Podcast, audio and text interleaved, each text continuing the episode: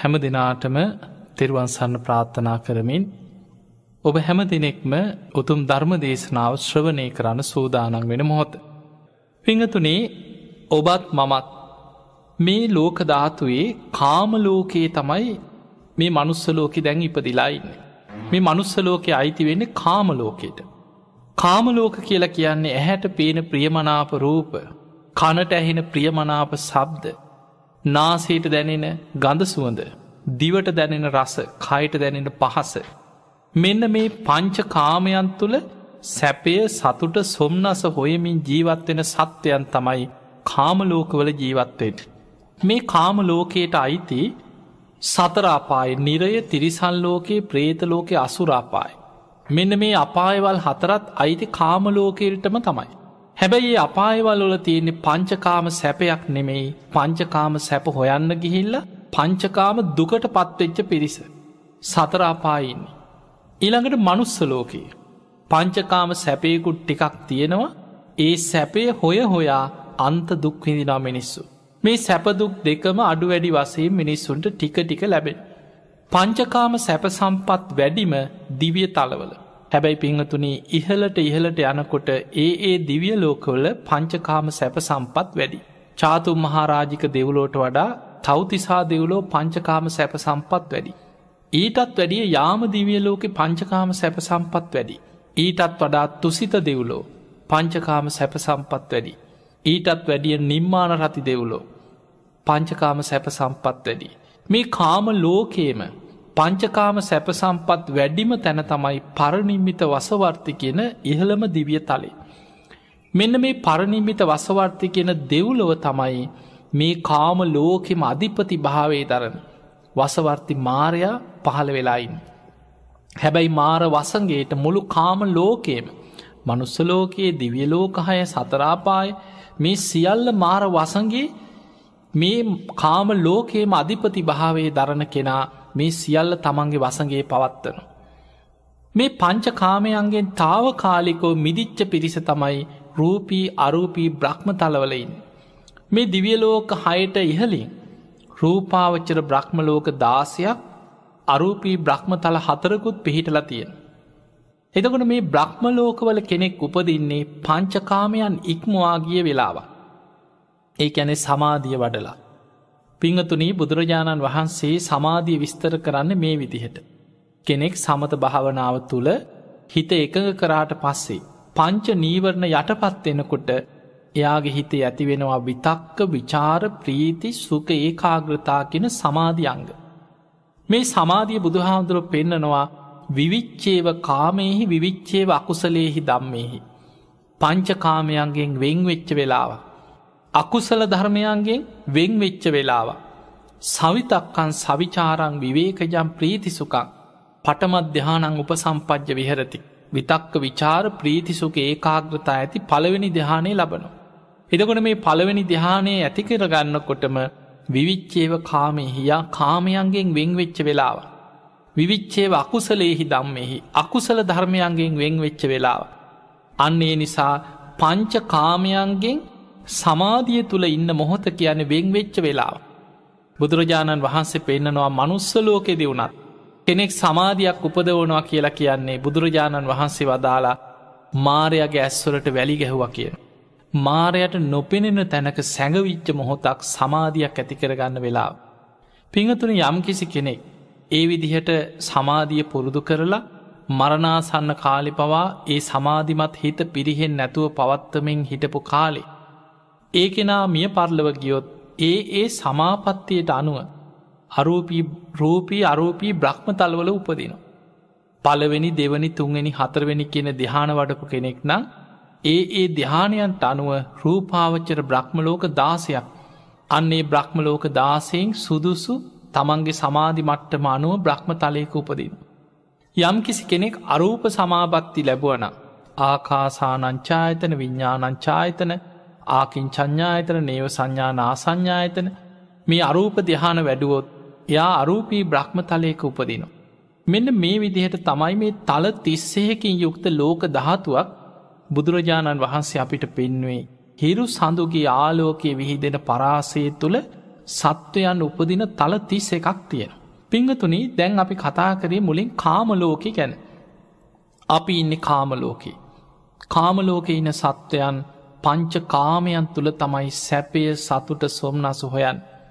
මේ කාමලෝකයේ අධිපති භාවේ දරන්නේ වසවර්ති මාරය. පාපී මාරය. බුදුරජාණන් වහන්සේ මාරයට කතා කරන්නේ දේවපුත්‍රය දෙවිය කියලා නෙමෙයි. බුදුරජාණන් වහන්සේ මාරයට කතා කරන්නේ පාපිමතෝ මාරු පාපී මාරේ.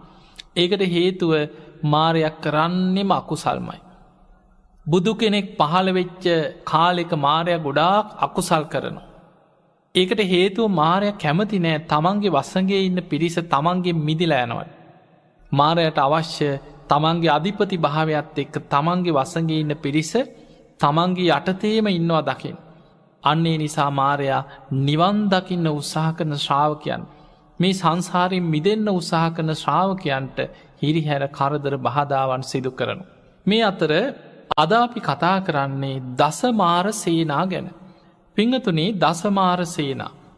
බොහෝ වෙලාවට මේ මාරයගේ මාර සේනාවල් ගැන බහල ඇති දේශනාවල. බුදුරජාණන් වහන්සේ මාර පරාජය කරපු හැටි. උන්වහන්සේ බෝධි මූලේ එදා සුජාතාවගේ කිරිපිඩුදානය වලඳලා. සොත්තිය බමුණනාදීපු කුසතනමිටි යටත් අරගෙන. ඇසතු බෝධීන් වහන්සේ අභියසට බෝසතාණන් වහන්සේ වැඩම කරලා නැගෙන හිර දිසාවට කුසතන ඉලල වැඩ සිටිය. උන්වහන්සේට තිබුණේ පුදුමාකාර වීරියක්. ඒ වීරියට ධර්මය කැනෙ චතුරංග සමන්නාගත වීරිය. මගේ ශරීරයේ සම්මස් වියලේවා. ඇටනහර පමණක් ඉතිරිවෙතොත් ඉතිරිවේවා. පුරුෂ වීරියෙන් පුරුෂ පරාක්‍රමින් යම් ධර්මයක් අවබෝධ කරගත යුතුද. මැරුණත් මෙතනින් නැකිටින් නෑ කියෙන අධිෂ්ඨාන්. අන්නේ අධිෂ්ඨානයෙන් වැඩ සිටිය නිසා තමයි යාසනයට අපි වජිරාසනය කියල කියන්න. දැ බලන්න බෝසතාණන් වහන්සේ අධිෂ්ඨානය මගේ ශරීරයේ සම්මස් වියලේවා. ඇටනහර පමණක් ඉතිරිවෙතොත් ඉතිරිවේවා. පුරුෂ වීරියෙන් පුරුෂ පරාක්‍රමයෙන් යම් ධර්මයක් මේ ආසනයේදිම අවබෝධ කරගත යුතුද. ඒ ධර්මය අවබෝධ කරගන්න නැතුව නම් මෙතනින් නැකිටින් නෑකෙන අධිෂ්ඨාන මේ අධිෂ්ඨානයෙන් වාඩි වෙනවා සමගම උන්වහන්සේ වැඩ ඉන්නකොටම කලබල වෙන්නේ කාම ලෝකෙම අධිපති භාවේ ධරණ වසවත්ති මාරය. මාරය දැනගත්තා මාර වසගෙන් මේ මහා වීරයන් වහන්සේ මිදුනොත් තව විශාල පිරිසක් මාරවසගේ මුදවගෙන නිවන කරාරගෙන යනවා සසරින් මුදවනු. එනිසා කොහොමහරි වලක්වන්න ඕන කියලා හිතපු පාපී මාරයා එදා ගිරිමේ කලා කියෙන ඇතුපිට නැගලා. මාරයාගේ හස්තිය තමයි ගිරිමේ කලා කියෙන හස්තිය ඒ ඇතුපිට නැගලා. විශාල මාර සේනා මවාගත්තක්. එදට මාරයට මහා සේනා මවාගන්න පුළුව. මහා බල සම්පන්න කෙනෙ. මාරය විශාල සේනා මවාගෙන බෝසතාණන් වහන්සේ වජරාසනයේ වැඩඉන්නකොට ඒ වෙනකොට උන්වහන්සේ තව බුදු වෙලානෑ කෙලෙස් සහිතයි. හැබැයි මහා බියජනක හඬ ඇතිවෙන් ළඟ හෙන පුපුරණ වගේ භයානක හඬ ඇතිවෙන. ගස් කඩාගෙන ඇඟට වැටෙනවා වගේ සබ්ද ඇතිවෙනවා. ගල් පෙරලීගෙනෙනවා කඳු පෙරලීගෙනෙනවා භයංකාර හඬ ඇති කර. තැන් සාමාන්‍ය වෙන කෙනෙස් කෙලෙස් සහිත කෙනෙක් නං බය වෙනවා තැතිගන්න එක්ක පැන්ල දුවනවා එතන. මොකක්ද මේ ඒත් උන්වහන්සේ අර අධිෂ්ඨානෙන් වීරියෙන් උන්වහන්සේ නොසෙල්වේ උන්වහන්සේගේ අධිෂ්ඨානයම හිතම හිතේ දරාගෙන වැඩයින්. අවසානයේ මේ වසවර්ති මාරය මාර සේනාවත් එක්ක. ඊතල වර්සාවක් අහසින් එව්වකින්. එතකොට හිතන ඊතල වර්සාවක් කියනකොට මේ එක ඊතලයක් දෙකක් නෙමේ. වැහි බින්දු අහසින් වැටිනාගේ විශාල ඊතල් වර්සාවක් කියවන. ඊළඟට ගල් වර්සාවක් මේ වගේ ගිනි වර්සාවල් නොයෙක් විදිහට බියජනක දේවල් උන්වහන්සේට ඒ කිසිම දේකින් හැබැයි ඒන හැම ඊතලයක්ම උන්වහන්සේ ළඟට ඇවිල්ල බිමට වැටෙනවා උන්වහන්සේගේ පාරමී බලය. වෙන කෙනෙක් නම් මේ ඊතල එනකොට ගල් එනකොට පැන්ලදුවනෝ. අවසානය වසවර්ති මාරයා ළඟටමාව. මහා සේනා පිරිවරාගෙන අවියාවිද දරාගෙනාපු මාරයා. බෝසතාණන් වහන්සේට කෙනව වහාම ඔතනින් නැකටින්න ඔය ආසනය අයිති මටයිකි. ඒ නිසා වහාම ඔතනින් නැකටින්නකි. මමයි කිය මේ කාමලෝක අධිපතිය. මගේ අවසරයක් නැත ඔබහන්සේට මෙතන වැඩ ඉන්න බැක් ඒක පිංහතුන මේ වගේ. කාම ලෝකයේම අධිපතිය ඒ කියන්නේ දිවිය ලෝකහය මනුස්සලෝක සතරාපායි පංචකාමයන් තුළ ජීවත්වෙන මේ සියලු සත්‍යයන්ගේම අධිපති භාවේ දරන්න වසවත්ති මාරය. එතකොට ඒ මාරයාගේ වසගේ තමයි මේ කාමලෝක ඉන සත්‍යයන් සියලු දෙනයින් මාරය කියනවා මෙතන මට අයිති තැන. මගේ අවසර නැත්නං ඔබට මෙතන ඉන්න බෑකි. දැන් ඔබ හිතන් ඔබට හිතන් බල ඒ මොකක්ද කියලා. ඔබට හිතෙන්න්න පුළුවන් දැන් ඔබ ඔබම හිතන්න සාමාන්‍ය මේ ලෝකෙ හැම තැනම පාලකයෝ ඉන්න. ගමක ඉන්න අප්‍රධානය ගම් ප්‍රධානය කියලා හරි ඉස්සරකිව. පලාතක ඉන්න අප්‍රධානය අද නං පලා සභහා ග්‍රාම සේවක ග්‍රාමෝදය ඔය වගේ පාලනය වෙන එක එක ක්‍රම තියෙන්න්න පුළුවන්. එතකොට මේ වගේ අවසානය රටේ රජ්ජුරුව ඉන්න. රටේම භූමි පති කියලා රජ්ජුරුවන්ව හැඳින්වේ රටේම ඒ භූමිය අයිතිකාරය. තැන් ඔබ හිතන්න ඔබට ඉඩමක් ඔබට පර්චෙස් විස්සක තිය කර ඉඩමක් තියෙන ඔබ කියන්න පුළන් මට නිරවුල් ඔප්පු තියෙන්නේ. මේ අපේ පරම්පරාවෙන් ආ මේ අපේ ඉඩම. මේ තියෙන ඔප්පු හැබැයි ඔය මොන ඔප්පු ඔබට තිබුණත් රටේ රජ්ජුරුවන්ට එක රැයින් ඔබේ ඉඩම පවරගන්න පුළුව රාජ සන්තක කරන්න පුළුවන්. ඔබ පාරට ඇදල දාන්න පුළ එක්ක වෙන දිහාාවක ඔබ පදිංචි කරවන්න පුළුවන්. ඒක රජයට අයිති දෙයක්. ඒක පූර්ණ අයිතිය තියෙන රජයට ඔබට තාවකාලික ඔප්පුුවක් තිබුණත් ඔබේ ඉඩමෙන් මැනිකක් හම්බුනා කියලා ඔබ නෙමේ අයිතිකාරය. ඒ අයිති රජයට මැනික් හා ස්වන්නාබන අධිකාරයට. එතකොට අපිට පේනවා මේ අපි ජීවත්වෙන ලෝකයාත් තුළ ඔබට මේක මම මගේ කීවට ඒක පරමයිති ඔබට නෑ. ඒ වගේ මේ කාම ලෝකේම අධිපති භාවේ දරණ වසවර්ති මාරය මාරයට තමයි කාමලෝක අධිපති භාවේ තමන්ගේ උපතත් එක්ක ලැබිලා තියෙන්නේ ඒ මාර භව දරණ තාක්කල් ඒ අධිපති භාවය තුළ මාරය අන කරනවා වහාම ඔතනින් නැකටින් මේ ආසන මේ කාමලෝකෙ මටයි අයිතිය තිය. ඔබහන්සේට මගේ අවසර නැතු ඔතන වැඩ ඉන්න බෑ. ඒ වෙලාවේ උන්වහන්සේට කවුරුත් නෑ. මාරය සේනා පිරිවරාගෙනකොට දෙවිවරු පවා බියේ පලාගයා කිය. ඒවෙලේ මාරයක් කියන ඔබහන්සේට මෙතන වැඩඉන්න අයිතියක් තියෙනවනං මට ඔප්පු කරන්න. උන්වහන්සේට සාක් කියකටවත් කවුරුවත් නෑ. අවසානි තමන් පුරපු පාරමී ධර්ම සිහි කරලා. උන්වහන්සේ මේ පාරමී ධර්ම මෙනෙහි කරලා පොළොවට ශ්‍රී හස්තයේ තියලා දිවුරලා උන්වහන්සේ අධිෂ්ඨානයක් කරා මම පාරමී සම්පූර්ණ කරගත්ත කෙනෙ.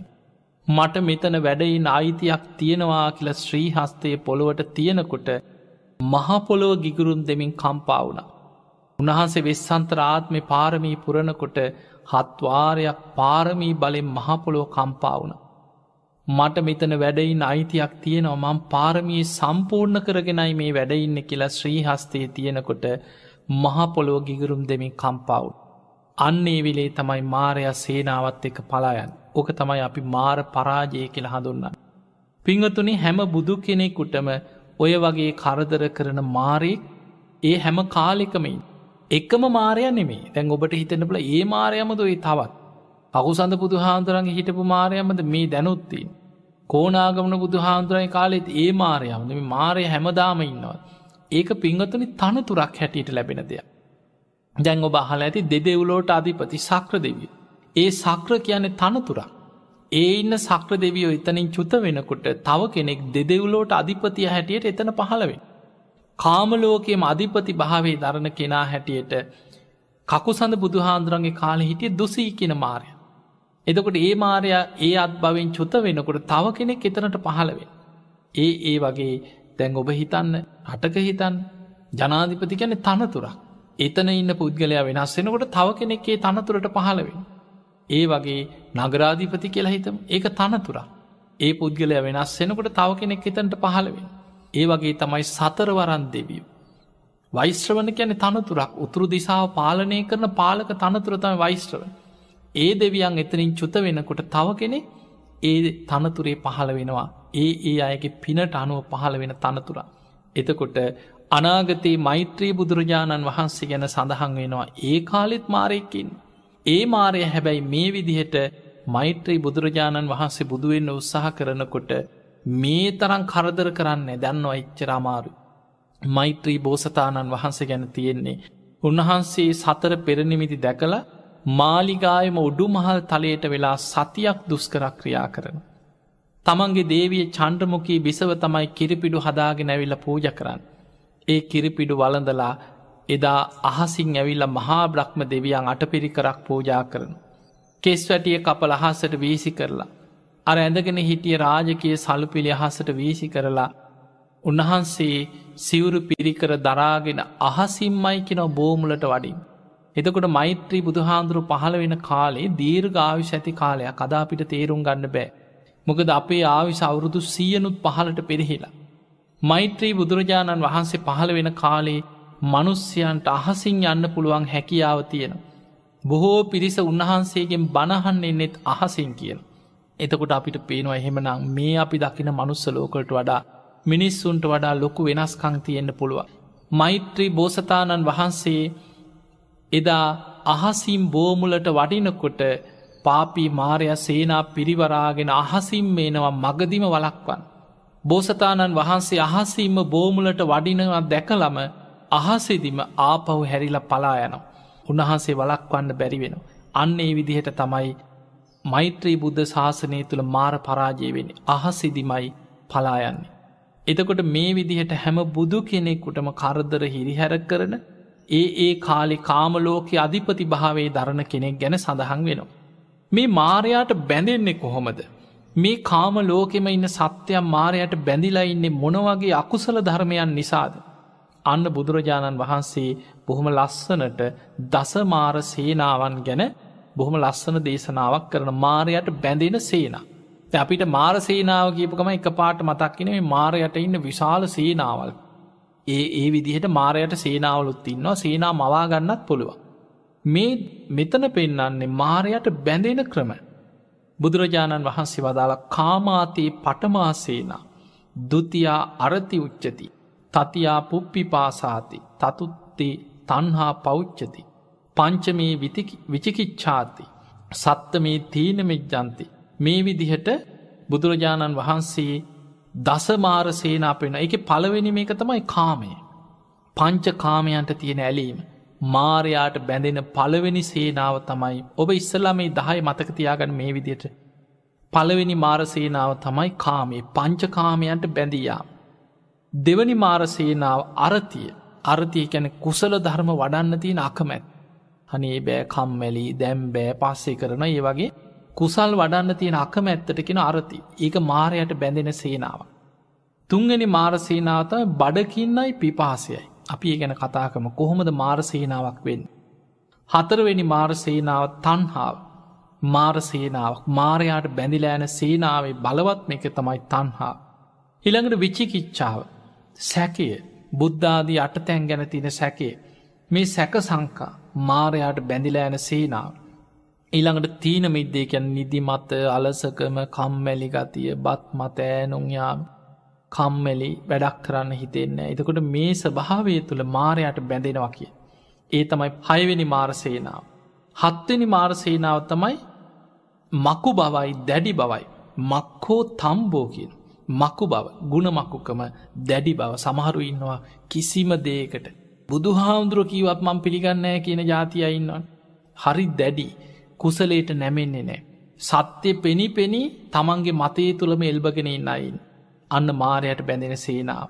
ඊළඟට අනුන්ගේ දේවල්වලට ආසා කිරීම අභිජ්ජා මාරයට බැඳෙන සේනාව. අනුන්ගේ දේවල්වලට ආසා කර. නමවෙනි මාර සේනාව තමයි තමා උසස් කොට අනුන් හිලා දක අත්තුක් කංසන පරවම්බනයේ දෙනවා කියලතියෙන්. තමා උස තමන් තමයි ඔක්කොම හරි. තමන් තමයි සියල්ල දන්න. තමන් කරන දේ තමයි හරි. අනිත් ඔක්කෝම වැරදිී කියලා අනිත් අය පහත් කරලා තමන් උසස් කරන. ඒක මාරයට බැඳෙන සේනාවක්. ඊළඟට දසවෙනි මාර සේනාව තමයි ලාභ සත්කාර කීර්තිප සංසාගෙන තියෙන ආසා මෙන්න මේ දහය මාර් සේනාවන් මාරයට බැඳෙන ක්‍රම දහයක් හැටියට බුදුරජාණන් වහන්සේ පෙන්නු. අපි මේවා එකින් එක තේරුම් ගම්. කාමාතයේ පටමාසේනා මාරයාට බැඳෙන පළවෙනිම සේනාව පළවෙනි ක්‍රමේ තමයි පංචකාමයන්ට බැඳියා. පිංගතුන අපි ඉන්න කාමලෝකෙ. ඇහැට පේන ප්‍රියමනාප රූපවලට බැඳෙනව ඇලුම් කරනු ආස කරනු. ඒ රූප හොය හොයා මිනිස්සු දුවනු ආස්වාදය හොය හොය. ලස්සන ලස්සන දේවල් බලන්න ආසයි. ඊළඟට කනට ඇහෙන මිහිරි සබ්දවලට ඇලෙනවා බැඳෙන ආස කරන. නාසේට දැනෙන සුවදට ඇලුම් කරනු. සුවඳ වර්ග හොය හොයා දුවනවා නාසේ. ඊළඟට දිවට දැනෙන රසයට ඇලුම් කරන. බලන්න මිනිස්සු සමහරු ජීවත් එන්නෙම කන්නම තමයි. කෑමම තමයි කොහේ හරි සමහරුන්ට කෑම ගැන කියනකොටත් කටට කෙලවුරනු. කෑමග කොහෙද තියෙන්නේ අරග කෑම රහද අර හෝටලේ රහද. සමහරුන්ට ලංකාවෙන් කාල කාලා සමහල්ලාට පිටරට වල්ලොල පවා යනවා කෑම හොයාගෙන. සතියක් දෙකක් ගීලා කොහෙන් හරි හොදට කාලා ඉන්න ඕන කියලයන. එදකොට කෑමමත් මුළු ජීවිතය කරගත්. ඒ තුළින් බොහෝ පිරිසක් ගුණධර්ම වැඩීම අතහරින්. එදකොට මේ විදිහට පංච කාමයන්ට බැඳිලෑන. ඊළඟට කයට දැනෙන පහස බලන්න මිනිස්සු මේ පහස හොයන්න කියලා මොනතරන් දුකට අමාරු වැටෙනවද කියල්. මෙන්න මේ පංච කාමයන්ට බැඳී ගියා කියන්නේ කෙලින්ම මාරයට බැඳෙන පලවෙනිම සේනා. ඒ තුළ කෙනෙක් නිවන්න අවබෝධයට අප්‍රමාදිව කුසල් වඩන්න අකුසල් ප්‍රහාණය කළ කුසල් දියුණු කරන්න නිවන්න අවබෝධයට නෙමේ යොමුුවෙන් පංච කාමයන් හොයන් ඒවටයි හිත ආස කරන්න. ඒවටයි හිත දුවන් ඒ නිසා කාම අරමුණු පස්සේම දුවනු සමහරුන්ගේ ජීවිතයේම පංචකාමයන් ඔස්සේමයි. හැම වෙලාම ලස්සන රූප ලක්සන සබ්ද ගඳසුවඳ කෑමබීම පහස පංචකාමයන් හොය හොයා හොය හොයා කාමී මන්ද වෙලා යන අන්න මාරයට බැඳෙන පළවෙනි සේනාව. ඊළඟට දෙවනියක අරතිය මෙන්න මේ අරතිය කියන එක බොහෝ දෙනෙකුට දකින්න තියෙන දෙයක් කුසල් වඩන්න අකමැත්. ඒක කම්මැලිකමක් කෙනවා. පස්සෙ බැරියේ අනේ දැන්නම් බෑ කම්මැලි. බනක් අහන්ඩ පටන්ගන් බනක් කාම කිවත් අද බෑ හෙට කරනවා. අද නං අමාරුයි කියෙන්. මේ කුසීතකම කම්මැලි අරතිය බුදුහාන්දුර බොහොම ලස්සන්ට පෙන්නන කුසීත වත්තු කියල දේශනාවක. බුදුරජාණන් වහන්සේ වදාළ මේ අරතිය කුසල් වඩන්න අකමැත්ති තියෙන කෙනා. යා මොනවාහරි හේතු හොයෙනවා. දැන් යාට කොහේ හරි ගමනක් යන්න තියෙනවා. යාට දුර ඇත ගමනක් තියෙනවා. එයා ගමන ගැන හිත හිතා කම්මැලි වෙන අනේ බෑ ගොඩාක් ඇතේ දැන් හිටනං මට දවසම මහන්සි වෙන තිය ලොක්කු වැඩක් කියලා. ගමන තියෙන හෙට හැබැයි අද දවසම යා කුසීත වෙලා ඉවරයි. අද දවසම කම්මැලි මොකුත්ම කරන්න අද නං රෙෂ් කරන්න ඕන නිදාගන්න ඕන හෙට ලොකු ගමනක් යන්න තියෙනවා කියලා කලින්ම නිදාගන්න. ඊළඟට බුදුහාතුර වදාළ දැන් ගමන පහුදා ගියා කියම්. දැන් ගමන ගිහිල් ආපු ගමම්ම වැටෙන්නේ ඇඳටේ. සමහරු ඉන්න කොහේ හරි ගමනක්ගේ රස්සාාවට ගියත්. පාරි කොහි හරි ගමනක් ගියත් ඉස්කෝලෙ ගියත් ආපු ගමන් ඒ ඇඳුම් පිටීම වැටෙන්නේ ඇඳටමයි. ඇයි කම්මැලිකම අර අරතිය කුසල් වඩන්න තියෙන අකමැත් අඩුගානේ තමන්ට මෙලව වැඩක් කරගන්න කිසිම දෙයක් තමන්ගේ අර අරතියෙන් වෙන්නේ කම්මැලි ගතියම ඇති කරන. එදකොට සමහරුන්ට හරියට කෑම බීම නැතිවුනත් බුදු හාන්දුරු පෙන්වා දැන් අප හිතම කුසීතකම තියෙන කෙනෙකුට කෑමබීම හරියට එදා හොඳට හිතේ හැටියට කන්න හම්බුන්නෑ කියල යා හිතනවන්නේ අදනම් කෑම හරින. අදන ඇඟට පනත්නෑ හරියට කන්නත් නෑ මොනවද මේ කෑම. අදනම් මමාරු අදනම් මොකුත් කරන්න බෑ කියලයි අර කෑම පිටින් තියෙනවා. කාල වැඩි වුණො කවරු හරි උද්ද කෑමක් දෙනවා දැන් කාල කාල කාලා දැන් කෑම වැඩි. කෑම වැඩි වුණාට පස්සේ එයා ඒකත් හේතුවක් කරගන්න අරතියට. ඊට පස හිතන අම්මෝ අදනම් කෑව වැඩි වුණ අද නම් බෑමකුත් කරන්න අදනම් බෑ ඔය මොනවත් කරන්න බෑ අදන එක ඉස්මුරුත්තා වගෙන නිකම් පනත්නෑ එහෙම වැටෙන්නේ ඇඳට. ඊළඟට කෙනෙකුට ලෙඩක් හැතුණු බුදුරජාණන් වහන්සේ වදා සමහරුන්ට කාටත් ලෙඩ හැදෙන දැන් අපි හිතම කාටරි එක පාට ලෙඩක් හැදුණ. සමහරු ඉන්න මේ වීරිය තියෙන අරතිය ප්‍රහාණය කරගන්න දක්ෂයි ඉන්නවා සමහරු මොන්න ලෙඩේ හැදුනත් කාගෙන ඒ තමන්ගේ කුසල ධර්මෝල වැඩ කටයුතුවල ඒ දෙනවා. ඒ ගුණ ධර්ම පුරනවා. හැබැයි යම් පොඩි ඔලුව කැක්කුමක් ආවත්නි ඇඟට පණනය අනේ බෑ ඔලුව කැක්කුම අදනම් හරි අමාරුයි කියලා එයා හැම වෙලායම අරතිය තියෙන කෙනා කුසීතකමටම යදෙන්න හිත. එයා අරතියෙන් යුක්ත වදනම් බෑ කියල වැඩ කටයුතු මගහරි. දැන් අප හිතම යාට අසනීප වෙලා ඉඳලා ලෙඩේ දැන් සනීපයි. වෛද්‍යවරයක් කියෙන දැන්වයාට හොඳයි. එයාටත් දැනෙන ඔයාට හොඳයි කිය. හැබැයි හොඳ වෙච්ච ගමන් එයා අර කුසීතකමේ ස්වභාවේ තමයි අරතියේ ස්වභාවය හොඳ වුණා විතරයි. දැම් මේ කොච්චර අසනීපෙන් ඉදල යන්තන් සනීප වුණා විතරයි දැන්නම් දවස් කීපයක් විවේකෙන් ඉන්න ඕන කියලා. යා හැම වෙලාම අර වැඩ කටයුතු මගහරින්. කුසීතකමටම හිත ඇදෙනවා අරතියට හිතයන්. එතකොට මෙන්න මේ ලක්සන බුදුරජාණන් වහන්සේ පෙන්වා මේක කුසල ධර්මයන්ගෙන් යා ඇත් කරන. කුසල් වඩා නකමැත්ත ඇති වෙන. කුසල් කියන්න එතන සීල සමාධි ප්‍රඥා වඩන්. එයා ධර්මාවබෝධයට උත්සාහ ගන්නේ නෑ එයට කම්මැලි පස්සෙ බැරිිය වට කල් තියනවා. දැන් නම් බෑනික ඇඟට පනත්නෑක ඇවිත්නය අද නම් බෑ. මොන භාවනාද? මොන බණද? මොන පින් කන්ද වූවා කරන්න? අනේ කම්මැලිකි හැම වෙලාම යා එතනින් එයා බැඳෙන්නේ මාරසේනාවට මාරයට බැඳිලෑන බුදුරජාණන් වහන්සේ වදාලා කාමය ඔස්සේ මාරයට බැඳෙනවා. ඊළඟ එක තමයි කම්මැලිකම අලසකම අරතිය ඔස්සේ මාරයට බැඳිලෑන් ඒ තමයි දෙවනි මාරසේනාව තුන්වෙනි මාරසේනාව තමයි බඩකින්නයි පිපාසයයි තතියා පුප්පි පාසාත් බඩකින්න පිපාසේ මාර සේනාවක් හැටියට පේනනවා. බලන්න ඒකට හේතුව උප බලන්න කෑම නිසා කොච්චරනම් මිනිස්සු නිවන් මගින් ඈතට යනවද කියල බලන්න. බුදුරජාණන් වහන්සේ පෙන්වා දම්ම දායාද සූට්‍ර මහනෙන ආමිසේ දායාද කරගන්න එපා කිය. ධර්මය දායාද කරගන්න කිය. බුදුහාන්දුර එක තැනක පෙන්නවා මහනෙන ඔබ යම් ආරාමික වන සෙනසුනක වැඩඉන්නකොට. ඔබට ආරාමී තුළ හොඳට සීල සමාධි ප්‍රඥා වඩාගෙන නිවන් මඟ වඩන්න පහසුයි. හැබැයි ඔබට සිව් පසේටික හරියට ලැබෙන පින්ඩ පාතිකයාට හරියට දාන ටිකත් නෑ. හරියට බෙහෙත් හේට්ටික ලැබෙන්න්නෙත් නෑ හොඳ කුටියකුත් නැතිවෙන පුළන් ගල්ලෙ නක් එක්කො තෙමෙන තැන හරියට සිවුරු පිරිකරත් නෑ බොහොම දුප්පත් දායකයෝ ඉන්න තැන. හැබැයි නිවන් මඟ වඩාගන්න පහසුයි. එතකොට හිතන්න කෙනවා මං පැවිදි වුණේ මේ කෑමබීම හොයාගෙන නෙමේ. මං පැවිදි වුණේ ලස්සන තැන් හොයාගෙන නෙමේ. මං පැවිදි වුණේ නිවන් දකින්න. ඒ නිසා මට මෙතන සිව්පසයෙන් අඩුපාඩුකන් තිබුණත් නිවන් මග වඩාගන්න පහසුයි. එහෙම හිතලා අර සිව්පසයෙන් ඇතිවන පීඩාව දරාගෙන ප්‍රත්තිවෙක්ෂාවෙන් ලැබෙන දෙයක් තමන් පිළි අරගෙන ගුණධර්ම වඩන්න කිය. ඊළඟට බුදුරජාණන් වහන්සේක අනි පැත්ත පෙන්වා මහනෙන යම් ආරාමික ඔබ වැඩඉන්නකොට ඔබට හොඳ ප්‍රනීත විදියට දානටික ලැබෙනවා. සමාරලාවට රජ පවුල්ලොල සිටු පවුල්ලල දනවත් පවුල්වලින් ප්‍රනීත වෑන්ජනවලින් බොහොම හොඳට දානටික ලැබෙනවා දිව පිනා යන දානටික හම්බෙන්. හොඳ සිවුරු පිරිකර හම්බෙන හොඳ කුටි සෙනසුන් හදල පූජ කරනවා. බෙහෙත් හේට්ටික හම්බ සිව් පසය උපරිමෙන් ලැබෙනවා. හැබැයි එතන බණ භාවනාවක් කරගන්න බෑ. බණ පොතක් කියෝ ගන්න බෑ. තමන්ට සිල් රකින්නත් බෑ. ගුණධර්ම පුරන්නත් බෑ. ඒවට බාධා තියෙන පලිබෝධ සහිත තැන. බුදුරජාණන් වහන්සේ වදාළ මහනෙන ඉවැනි තැනක රැඳෙන් එපා කියනවා. මොනතරන් සිව් පසේ තමන්ට ලැබුණත් නොකියම හරි එතනින් පිටත් එන්නකි. ඒක ඒ දේශනාව ඒ විදිහටම තියෙනවා මහනෙනින් නොකයාම එතනින් පිටත් වෙලා යන්න. මොකද කිය කිය ඉන්න ගියොත් අර සිව් පසේ දෙන දායකයෝ යන්න දෙන්න අනේ යන්න එපා ඔබහන්සේ ඉන්න ඔබහන්සේ නැතු අපි කොහොමද මේ වැඩ කරන්න දානට කට්ටිය නැති වෙනවා. ඔබහන්සේ තමයි මේ ඔක්කොම කරන්න ඔබහන්සේ තව ටිකක් ඉන්න කිය කිය උන්වහන්සේ ප්‍රමාද කරුණු.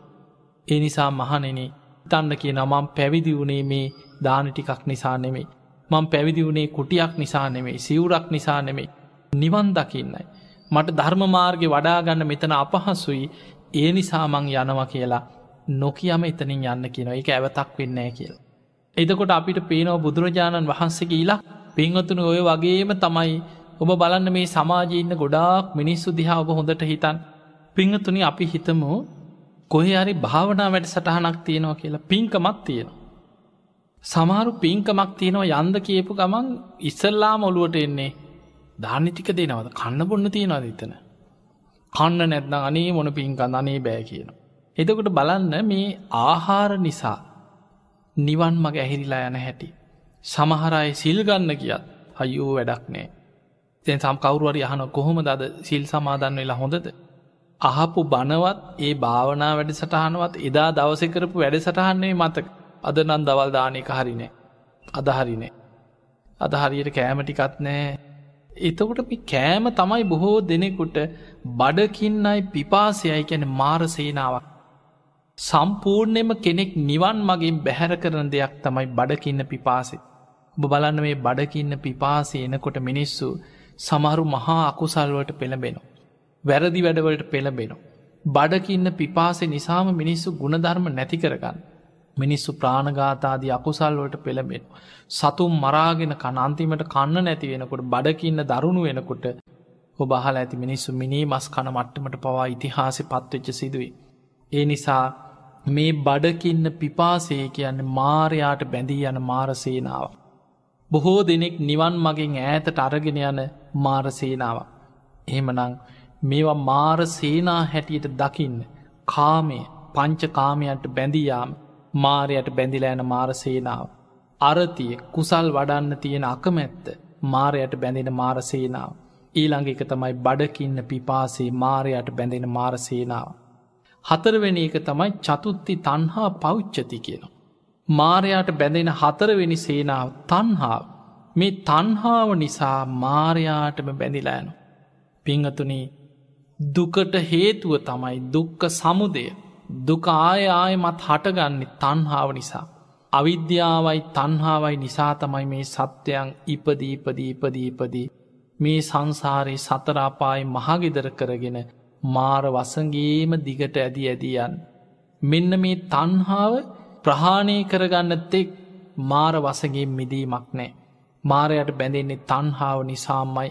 මේ තන්හාාව ලක්ෂණ කීපයක් බුදුරජාණන් වහන්සේ පෙන්න්නනවා. යායන් තන්හා පෝනෝ භවික. යම් තන්හාාවක් ඇද්ද පුනර්භවය ඇති කරන. නන්දිරාග සහගතා. ආස්වාදිෙන් ඇලෙනවා. තට්ට තට්හාබි නන්දිනි උපවපන් තැන සතුටින් පිළිගන්න අන්න තන්හාාව ලක්ෂණ.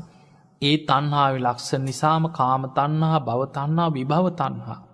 හැටියට බුදුරජාණන් වහස පෙන්න්න පංච කාමයන් තුළ කාමලෝකයට ඇදිල ඇන තන්හාාව. ඊළඟට භව තන්නා විභව තන්නාගෙන් රූපලෝක අරූපලෝකයක්ත් එක්ක බැනේ. එතකොට මෙන්න මේ තන්හාාවේ ලක්ෂණ තුනක් තියෙනවා තන්හාාව නිසා සත්‍යයන් ආය ආයමත් පුනර්භවයකට ඇදගෙන යනවා තන්හාාවේ පෝනෝ භවික කොහේ හරි උපතකට ඇදිලෑන්. නන්දිරාග සහගත ඒ උපෝපන්තැන ආස්වාදෙන් ඒවට උපෝපන්තැන සතුටින් පිළිගන්න තට්ට තට්ටාබි නන්දිනි ඒ වගේමයි ආස්වාදිෙන් ඇලෙනවා එතන් තැන් ඔබ හිතන්න මේ සසරි භයානක්කම යම් කිසි කෙනෙ ඔබට සමහර වෙලාවට කෙනෙ දැක්කට පසිතෙන්න්න පුළුවන් මනුස්සෙක්ම හිතන් අන්ත දුක්විදින මිනිස්සු ඉන්න. එක තැන මළමුට්ට කරගෙන නැකිට ගන්න බැරුව ලෙඩ හැදිලා වයසට ගිහිල්ල බොහෝ දුක්විදින. සමහරු ඉන්න පණපිටින් තුවාල හැදිලා පනුව ගහපු මිනිස්. කෙනෙක් දැකලා හිතෙන්න්න පුළුවන් අම්මෝ අපිට නම් මෙහෙම ජීවත්වෙන්න ඕන්නෑ. මෙච්චරනත් දුක්විදින්න ඕන්න නෑ කියලා කෙනෙක් හිතන. හැබැයි ඒ විඳවන කෙනා යාට හිතෙන්නේ එයා හිතන්නේ කොහොමහරි තව දවසක් පැයක් සතියක් මාසයක් හරි. කොහොමහරි ජීවිතේ ඇදගෙන යන්න තියෙනවන කොහොමහරි ජීවත්වයන්න තියෙනවනම් කියලයා ජීවිතයට ආස කරන ඇලුම් කරන. ඒ තන්හාාව තුළින් ජීවත්වෙලා අපිහිතම අකුසලයක් බලවත් වෙලා මරණින් මත්තේ ඉරිසන් ලෝකෙ උපදිනවා කියලා. එයා අන්න තන්හාාවෙන් එයාට ආයමත් උපතක් ලැබෙනවා. ඒ උපත පෝනෝ භවිකා උපතක් ලැබෙන අප හිතම් බල්ලෙක් කියලා අන බලු පැටි කැටිට ඉපදුනා. ඒ බල්ලට හිතෙන්නේ අපරාධ මට මනුස්සලෝක ඉපදුනාන මට දිවියලෝක ඉපදුන මට පින්කරගන්න ඒවහිතන්නෑ බල්ල. එයා ඒ ආත්මට ඇලුම් කරනවා. ඒකට ආස කරනවා නන්දිරාග සහන් දැන් ඔහු ඒකට ඇලුම් කරනවා. ඔහුට පෙරජීවිතේවත් කල්ලින් කොහිද හිටිය ඒව නෑ උපෝපන්තන සතුටින් පිළිගන්න. ඒ ආත්මිට ඇලුම් කරනවා. දැන් එයාට බලු අම්මා බලු තාත්තා බලු රැල ඊළඟට අර කන්න තියෙන ජරාවල් හපාකනවා පොරකනවා බුරනවා ඒක තම යාගේ ලෝක ඒ ආත්මිට ඒ ජීවිතයට ඔහු ඇලුම් කරනු ආස කරන. ඒ නිසා පිංහතුනේ මේ විදිහට මේ තන්හාාව නිසා සත්‍යයා සසර ඉපදෙමින් මැරමින් ඉපදමින් මැරමින් කෙලවරක් හොයන්න බැරි සංසාර ගමනක ඉපදීපද යන්නේ තන්හාාව නිසාමයි. ඊළඟට බුදුරජාණන් වහන්සේ පෙන්වා පස්වෙනි මාර සේනාව තමයි විචිකිච්ඡාව සැකේ. බුදුරජාණන් වහන්සේ ඇතුළු ධර්මී සඳහගෙන බුද්ධාදී අට තැන් ගැන තියෙන සැකේ කියලා. එයාට බුදුහාමුදුරන්ව සැකයි. ධර්මය සැකයි. ශ්‍රාවක සංගය ඔය මාර්ග පල්ල බොරහත් වනාකීවට ඕව කොහිත පිළිගන්න කියල ඔන්න සංඝයා ගැන සැකයක් ඇති. අතීතය ගැන සැකයි. ඔය ඉපදීපදීපදීපදී ආවකීවට කොහොම ඒක පිළිගන්න කියලා ඔන්න අතීතයේ සසර ගමන ගැන සැකයි. මරණින් මත්තේ උපදිනවා කියන එක ගැන සැකයි. මෙලෝ පරලව ගැන සැකයියාට. ඊළඟට මේ කර්මය මේ සසරේ සත්‍යය අරගෙන යන කර්මය ගැන හොට සැක සංකාතියෙන්. ඕපපාතික උපත ගැන සැක සංකාතියෙන්. මේ වගේ හැම වෙලාවෙ මෙයා සැකෙන් තමයි මේ දේවල් දිහා බලත්. ඒ සැකේ තුළ ඔහුට සද්ධහ උපදිනෙ නෑ. තුනුරුවන් ගැන සද්ධාව බලවත්ත පිහිටන්න ය හැම වෙලායෙන් බුදුගුණ ගැන පවා සැකෙන්. ඔහොම බුදු වනා කීවට ඕක මේ කවුද පිළිගන්න දැන් කොච්චර කල්ද මොනවා හරි සැක සංකා හිතට එනවා. රහතන් වහන්සේලා ගැන අතීතය ගැන ඒ ඒ හැම දෙයක් ගැනම සැක කරන. ඒක මාරයට බැඳෙන මාර සේනාව. ඒ සැකේ තුළ හුට ධර්මය අවබෝධ කරගන්න තියෙන අවස්ථාව වැහිලා යනවා ඒක මාරයට බැඳෙන මාර සේනාව. හයවෙනි එක තමයි තීනමිත් මාරයට බැඳෙන මාර සේනාවක් තැම් බලන්න ඔබ සම කෙනෙක්ගේ ජීවිතේ. අවුරුදු හැට හැත්තෑවක් ජීවත්වෙන මනුස්සේගේ ජීවිතෙන් තුනෙන් එකක්ම කරන්න නිදාගන්න එකම තමයි. එතකොට නින්ද අපිට අවශ්‍යයි. හැබැයි ඒ නින්ද තුළ කෙනෙක් නින්දම ජීවිතය කරගන්න. සමාලාට උදේ නැකිටින්න ගියත් උදේ නමේ දහය වෙනකං ඇදේ පෙරලි පෙරලි පෙරලි පෙරලින්න කම්මැලි. ඊළඟට කාපු ගමන් නිදාගන්න ඕන සමහරුන්. ගමනක් ගියත් එක්කු මහන්සී කියල නිදාගන්න. දවල්ට සමහරු පුරුදු වෙලායිනවා දවල් තිස්සේ නිදිගෙවලු. දවල්ටත් නිත්. ඊළඟට පිංහතුනි හවස් වෙනකොට. සමහරුන්ට යන්තන් කරුවල වැටෙනකොටම හත්තාට වෙනකොට නිදාගන්න. දවසේ සමහරු දවසෙන් තුනෙන් එකක් නෙමේ දවසෙන් භාගිකට වැඩිය සමහරු නිදාගෙනමයි. එතකොට මේ තුළ බලන්න සමහරයට බා මේ කතා කර කර පැය ගණන් කයිවාරු කියෝ කියෝ. අනුන්ගේ ඇදකුද කේලං කියෝ කියෝ ඔහේ ඉන්නවා. හැබැයි භාවනා කරන්න කිවොත් භාවනා කරන්න දීපු ගමන් නිදිකිරා වැටෙනවා. සමහරයි ඉන්න බණහන්ඩ බෑ පින්කං කර කර ඔහෙ ඉන්න පෙරහැරවල් යනවා පින්කං කරනවා පින්කන් සංවිධානය කරනවා ඒවල ෑස්ති කරනවා හැබැයි බණහනකොට බණ පටන්ගත්ත ගමන් පන්සිල් දීලා ටික වෙලාවක් යනකොට මෙන්න ගොරෝගොරෝ නිදී. එදකොට අපිට පේනවා මේ නිදි මත තීන මිද්දේ තුළින් කොච්චරනං කෙනෙක් කුසල ධර්මයන්ගෙන් පිරිහිලා යනවත්. නිවන් අවබෝධ කරගන්න තියෙන අවස්ථාව ඔහුට ගිලිහිලා යනවා. ඒ නිසා මාර සේනාව හැටියට බුදුරජාණන් වහන්සේ පෙන්වත් තීන මිද්දය. ඒ තීන මිද්දේකැන් නිදිමතම නෙමෙයි නිදිමත කම්මැලිගතිය අලසකම බත්මත ඇගමැලි කැඩීම ෑනුන්යාම මේ ඔක්කොම තීන මිද්දේම ලක්ෂණ ගොඩක්. මේ හැමදයකින් ඇතිවෙන්නේ එයාට ධර්මය දියුණු කරන්න බනක්කහන්න සිල්රකින්න ගුණධර්ම වඩන්න තියෙන අකමැත්තමයි කම්මැලි ගතියමයි ඇතිවෙන්.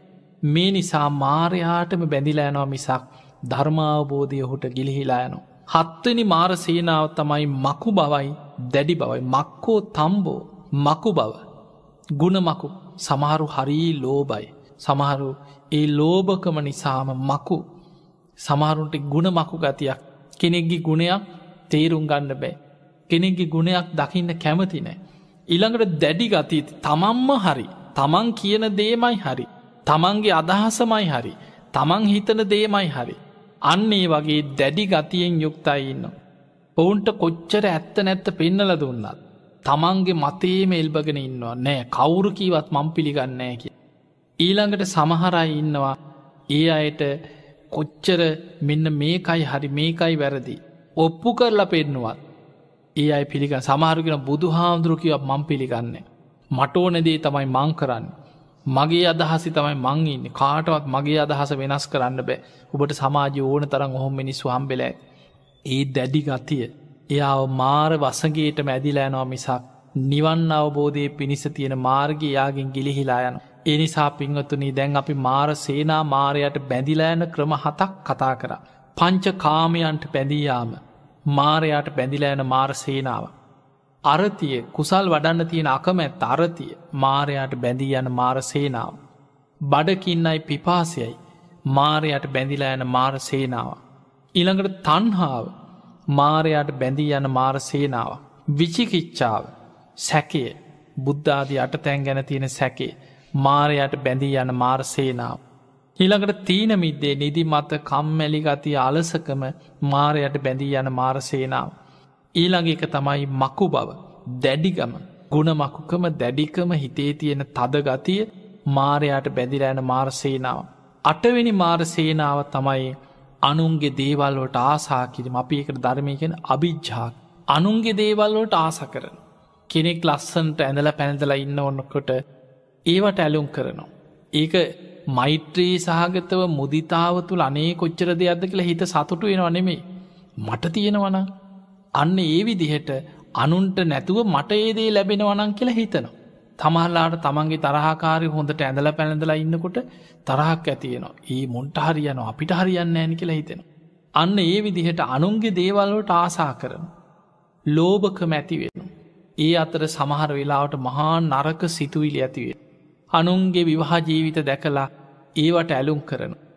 කෙනෙක් සතුටින් ආදරින් පවුල් ජීවිත ගත කරනකොට ඒ පවුල් ජීවිත විනාස කරන්න සැලසුම් කරන්නේ අනුන්ගේ දේවල්ලට ආසා කිරීම තුළ ඊළඟට අනුන්ගේ ඉඩ කඩා අයිති කරගන්න සමහරු කොච්චර උපක්‍රම හිතනවාද කෙනෙක් හොඳ යානවාහනයක් ගත්තට පස්සේ මේ අනුන්ගේ දේවල්වලට ආසා කිරීම තුළම මිනිස්සු අනුන් නසන්න පවා සැලසුම් හදනු. බොරු කතා පතුරෝනු. සමහරු ඉරිසියා වැඩිකමට කැලෑ පත්තර ගහන්. ඉරිසියා වැඩිකමට දේවාල ගානය අනුන්ට වින කරන්න කොඩිවින හූනියන් කරන්න දුවන මිනිස්සුයින්. සමහර පුද්ගලයන්ගේ මුළු ජීවිතේම අනුන්ට කොඩිවින කරන්නම ගිහිල්ල ගිහිල්ල කට්ටඩි පස්සේම ගිහිල්ල තමන් නැති වෙලා තිය ඒ වැම්මයි. එතකොට අපිට පේනවා මේ වගේ අනුන්ගේ දියුණුව දැකලා සතුටු වෙන්න බැරි. මේ ඉරිසියාව තුළ ඇතිවෙන බලවත්ම දෙයක් තමයි අනුන්ගේ දේවල්ලොට ආසා කෙරි.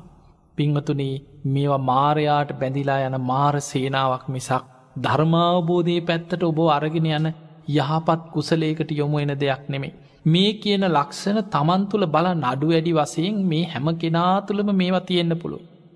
ඒ නිසා තමයි අපි ඇවිද ඇවිද මේ සංසාරි තාමත් සතරාපාය මහගෙදර කරගත සංසාර ගමනක ගමන් කරන්න. නමවෙනි මාර සේනාව තමයි තමා උසස්කොට අනුන් හෙලා දැකි. ඒක බුදුරජාණන් වහන්සේ පෙන්නනවා අත්තුක් කංසන පරවම්බනයේ දෙනවා කියලා ධර්මය පාලියෙන් හඳුන්න. අනුම් පහත් කරනවා. තමන් තමයි හරි. මේ ස්වභාවය සමහර භාවනා කරන අය අතර ඇතිවෙන්. මේක බුදුහාමුදුර ලස්සන දේශනාවක් තියෙනවා මජ්ජිමනික අසප පුරුෂ සූත් මේ අසප පුරුෂ සූත්‍ර බුදුරජාණන් වහන්සේ පෙන්න්නනවා අසප පුරුෂ ගතිලක්ෂණ ඇති කෙනෙක් භාවනා කරලා සමාධයක් ඇති කරගන්න. එයා කොහොමහරි භාවනා කළ සමාධයක් උපදව. සමාධිය කැන සමත භාවනාවෙන් උපදවාගන්න හැකියාව. ඒ සමාධී ඇති කරගෙන අනුන් හෙලා දකිනවා. එයා හිතනවා මට සමාධයක් තිර ම භාවනාව ඒකට ම භාවනා කරනවාද කියලා අනේ අනින් මිනිස්සුන් හිලා දකින. භාවනා නොකරන අයි දිහා බොහොම තරහෙන් වෛරෙන් ඒ අයට බැන බැන තමයි හැමවිලීම තමන් උසස් මේ මිනිස්සු භාවනාවක්කත් කරන්නේ කියලා හෙලා දකිමින් ජීවත්. ඊළඟට බුදුහාන්දුරු වදාලා එයා තවදුරටත් භාවනා කරලා දෙවනි දිහානි ලබන. එහෙම දෙවනි දිහානේ ලබලා තමන් උසස් කල් අනුන් හෙලා දකින. යහිතන මට දෙවනි ධ්‍යානයේ තිය ම එච්චර භාවනා කරන ඒකට මු භාවනාවක් කරනවද මුන්ට අඩුගාන පලවනි ධ්‍යානවත්තියෙනවා දෙවනි ධ්‍යානය තියා කියලා අන්න ඒ විදිහට අනුන් හෙලා දකි. බුදුරජාණන් වහන්සේ වදාල අසප්පුරුසේ. ඒ විදිහට තුන්ගෙනි හතරවෙනි දිහාන ආකාසානංචායතන විඤ්ඥානංචායතන ආකින් චඥායතන නීව සංඥා නා සංඥායතන කියෙන අරූප දිහානම ලැබුවත් තමන් උසස් කොට අනුන් හෙලා දකින මේ කෙලෙස් ස්භාවය ඔහු තුළ තියෙනවනම් ඔහු අසප්පුරුසේ. ඒ තුළ ඔහු මාරයාගේ වසගේට ඇදිලා ඇන කෙනෙක් කියල. දැම් බලන්න බොහෝ දෙනෙක් සමහරු තමන්ගේ මතයේ තමයි හරි. තමන් කියන දේ තමයි හරියටම හරි. එතකොට මේ ස්වභාවය තමන් හිත අනි හැමෝම විවේචනය ඒ ඒක ඒක හරියන යා හරියන්නේකි. ඒක හරි නෑකෙන යා කියන එක වැරදි යා කියන තමන් කියන එක තමයි ඔක්කොම හරි. එතකොට මෙන්න මේ විදිහට තමා උසස් කොට අනුන් හෙලා දකින ස්වභාවය බුදුරජාණන් වහස පෙන්න්නේ මාරසේනාව මාරයාට බැඳිලෑන ලක්ෂණය. ඊළඟට දහවෙනි දසමාර සේනාතර දහවිනීක තමයි ලාභ සත්කාර කීති ප්‍රසංසා ගැන තියෙන ආසාාව. පිංහතුන මේක බොහොම දරුණුයි හොයන්න බෑ. මික කොච්චර දරුණුද කියන බුදුරජාණන් වහන්සේ ලාභ සත්කාර සංයුක්තය කියලා. වෙනම සංයුක්තයකම දේශනා කරා ධාරුණෝ භික්කවේ ලාභ සත්කාරු. මහනෙන මේ ලාභ සත්කාර කීර්ති ප්‍රසංසා බොහොම දරුණුයි. තියුණුයි කියනවා. සම්මස් නහර විනිවිදගෙන ඇටමිදුළුවලට මේ ලාභ සත්කාර ගැන තියෙන ආසාාව කාවැදිලා තියෙන්නකෙන්. එතකොට ඔබ හිතන්න සම්මස් නහර විනිවිදගෙන ඇටමිදුළු දක්වාම ලාභ සත්කාර ගැන තියෙන ආසාාව කාවැදිලා තියෙන කියලා. බුදුරජාණන් වහන්සේ පෙන්නවා. ඒ නිසා එක දේශනාවක පෙන්වා මහනෙන බුදුරජාණන් වහන්සේ දැකලා තියෙනවා කෙනවා බුදු ඇසින් සමහරු ඉන්නවා මම නම් බොරු කියන්නේ නෑ. අම්ම නිසාවත් බොරුවක් කියන්නේ නෑ. කවුරු හරි කියන ඔබ මේක කියපන් නැත්නම් අම්ම මරනවා. යා කියනවා නෑ අම්ම නිසාවත් මන්නම් බොරු කියන්නේ නෑ කියලා එවැනි ප්‍රතිපක්තියක් තුළ. සිල් ගුණ දහම් රැකපු අයි බුදුරජාණන් වහන්සේ බුදු ඇසින් දැකලා තියෙනවා කියන. හැබැයි ඒ අයම යම් කාලෙකදී ලාභ සත්කාර කීර්ති ප්‍රසංසා නිසා බොරු කියනවා බුදුරජාණන් වහන්සේ බුදු ඇසින් දැක්ක කිය. එතකොට අපිට පේනවා තමන්ගේ අම්ම නිසාවත් බොරු නොකියනයි ලාභ සත්කාර කීතිප සංසා තුළ බොරු කියනු. තමන් නොකරන පාපි අකුසලව තමන්ගේ තත්ත්වේ නැති වෙනකොට තමන් ඉන්න තැන නැති වෙනකොට සමහර වෙලාවට ඒ ලාභ සත්කාර කීති ප්‍රසංසා තමන්ට අහිමි වෙනවා කියලා තේරෙනකොට මිනිස්සු පුද්දුම විදිහට වෙනස් වෙනවා. ඒ තත්ත්වයේ තව කෙනෙකුට ඇතිවෙනවා දකිනවා ඉවසගන්න බැරු නොයෙක් අපරාධවලට පෙළඹෙන. සමහරු තමන්ගේ තැනට කෙනෙක් ගොඩ නැගෙනවා දකිනකොට ඒ අයි විනාස කරන්න පවා පෙළඹෙනවා. බලන්නව සමාජය වසවිස දෙනේවා. මිනිස්සු මරන්න සැලසුම් හදනේවා. තව කෙනෙක් නැගගෙන එනකොට ඒ කෙනා විනාස කරන්න උපක්‍රමයදනේවා. මේවා හැම ශේෂත්‍රීකම දකින්න තියෙන. ඒ නිසා මේ හැම දෙයක්ම ඇතිවෙන්නේ තමන්ට තියෙන ලාභ සත්කාර කීති ප්‍රසංසා. තව කෙනෙකුට ලැබෙයි කියලයි ඒ ඉරිසියාව දරාගන්න බෑ. එතකොට මේවා ගැන තියෙන ආසාාව බුදුරජාණන් වහන්සේ වදාලා මහනෙන මාරයාට බැඳිලෑන දෙයක්. එක නිවන් අවබෝධයට උපකාර වෙන දෙයක් නෙමේ. එනිසා මෙන්න මේ දහය හොඳට තේරුම් ගත්ත කෙනෙකුට ඒ සිතුවිලි හිතට මතුවෙනකොට බලවත්වෙනකොට ඔබට තේරුම් ගන්න පුළුවන් මේ නම් මාර වසගේටයි මං ඇදිලෑන්. කාමයන්ට ඔබේ හිත දැඩි ඇදිලෑනවනම් ඔබට තේරුම් ගන්න පුළුවන් මේ මාර සේනාවට අයිති දෙයක්. ඔබේ හිත කම්මැලික කුසල් වඩා නකමැති අරතිය. එපා වෙනවා ගුණ ධර්ම පුරන්න හිතෙන්නේ. සමරුකි අනේ මටනන් දැන් ජීවිතේ පාවෙලා තියෙන්නේ බණපොතක් කියවන්න හිතෙන්නේ. පින්කමක් කරන්න හිතෙන්නේ ඉස්සර වගේ බුදුන් අදන්න හිතෙන්නේ එපා වෙනවක්. මොනවා වුනාද දන්නේ. එතකොට මේ හිතේ ඇතිවෙන අරතිය. එතකොට ඔබ තේරුම් ගන්න ඕන මේ මම මාර සේනාවටයි බැඳිලයන්. ඊළඟට බඩකින්න පිපාසය තුළ ඔබේ ගුණධර්ම පිරිහෙනවනං ඔබ ඇදිලා යන්නේ අපාය පැත්තටම නං ඔබට එන සිතුවිලි කුසල මාර්ගින් ඔබ ඇත් කරනවන ඔබ තේරුම් ගන්න මේ මාර සේනාවටයි මං බැදිලෑ තන්හාාව ඊළඟට විචිකිච්ඡාව සැකය. සමහර සැක සංකා ධර්මය ගැනත් ඇතිවෙල් සමහරලාට සූත්‍රයක් අහලා දැම්මි මාරය ගැනම දේශනාව කියලාහම් දැ මේ බණ අහගෙන ඉන්නකොට හිතන ඔහොම ඉන්නවද? මාරය කියලා පුද්ගලයෙක් ඉන්නවද? ඕක සංකල්පයක් නේද? එකඒක අදහස් ඔළුවට ගලාගෙනනවා එහෙම කවුද දැක්කේ? අද හොයන්න පුළුවන්ද මොන විද්‍යාඥයද හොයාගත් කිසිම වැඩකට නැතිවෙක්කො විද්‍යාඥය කවුරු හරි මත තියලා තමන්ට ධර්මය ගැන තුනුරුවන් ගැන සැක සංකා ඇතිවෙන්. ඊළඟ එක නිදිමත අලසකම කම් මැලි ගතිය. බොහෝ දෙනෙක් කුසලෙන් ඈත් කළදාන්. මක්කු බව දැඩිකම අනුන්ගේ දේවල්වලට ආසා කිරී. තමන් උසස්කොට අනුන් හෙලා දකින මේ පහත් ගති ලක්ස ඊළඟට ලාභ සත්කාර කීති ප්‍රසංසා ලබන්න තියෙන ආසාාව. මෙන්න මේ දහය මාරයාට බැඳිලෑන මාර සේනාව. එනිසා පෙන්වතුනි ඔබ ඔබේ හිතේ මේ පහස් සිතුවිලි ඇති වෙනකොට.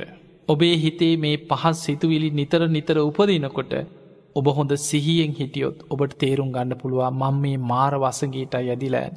අන්නයා තමයි මාර වසගේ මිදන්න උත්සාහගන්න. පිංහතුනි බුදුරජාණන් වහන්සේ නිවන් මඟ පෙන්නුවේ සීල සමාධි ප්‍රඥා හැටියට වඩන නිවන් මගක්. මේ නිවන් මඟ දිහා හරියට බලපුහාම මේක හරියට බුදුරජාණන් වහන්සේ පෙන්වා සීලේක පිහිටන කෙනෙක්.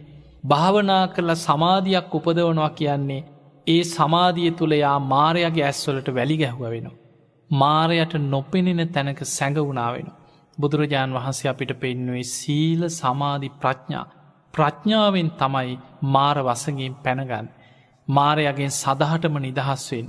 ප්‍රඥාව දියුණු කරන කෙනා තමයි ඒ ප්‍රඥාවෙන් දියුණුවෙන හිත සියලු කෙලෙසුන්ගෙන් මිදිලා විමුක්තිය කරායන. එතකොට සීල සමාධි ප්‍රඥා කියන්නේ සීලේක පිහිටලා කයවචනය සංවර කරගෙන සමාධිය වඩනවා කියන මාරයගේ ඇස්වලට වැලිගහලා මාරයට නොපෙනෙන තැනක සැඟවිලා විදර්ශනා භාවනාව තුළින් සම්පූර්ණයම කෙලෙස් ප්‍රහාණය කරගෙන මාර වසගෙන් සදහටම මිදිලා යන. මෙන්න මේ වැඩ පිළිවෙලයි බුදුරජාණන් වහන්සේ මාරයාගෙන් නිදහස් වෙලා විමුක්තිය කරායන නිවන් මඟ අපිට පෙන්නල දීලා තියෙන් තින් එහෙමනං ඔබ හැම දෙනාව අද මේ දසමාර සේනාවන් ගැන මාරයාට බැඳිල යන්න කොහොමද කියලා ඔබ මේ දේශනාව තුළ ටික ටික හරි ඔබේ ජීවිතයේ තේරුම්ගත්. එනිසා මේ මාර වසගේ නිදහස්වීම පිණිසම ඔබ හැම දෙනාටම ශක්තිය ධෛරිය වාසනාවම ලැබේවා ලැබේවා ලැබේවා කියල අපි ඔබට ආශිර්වාද ප්‍රාර්ථනා කරන.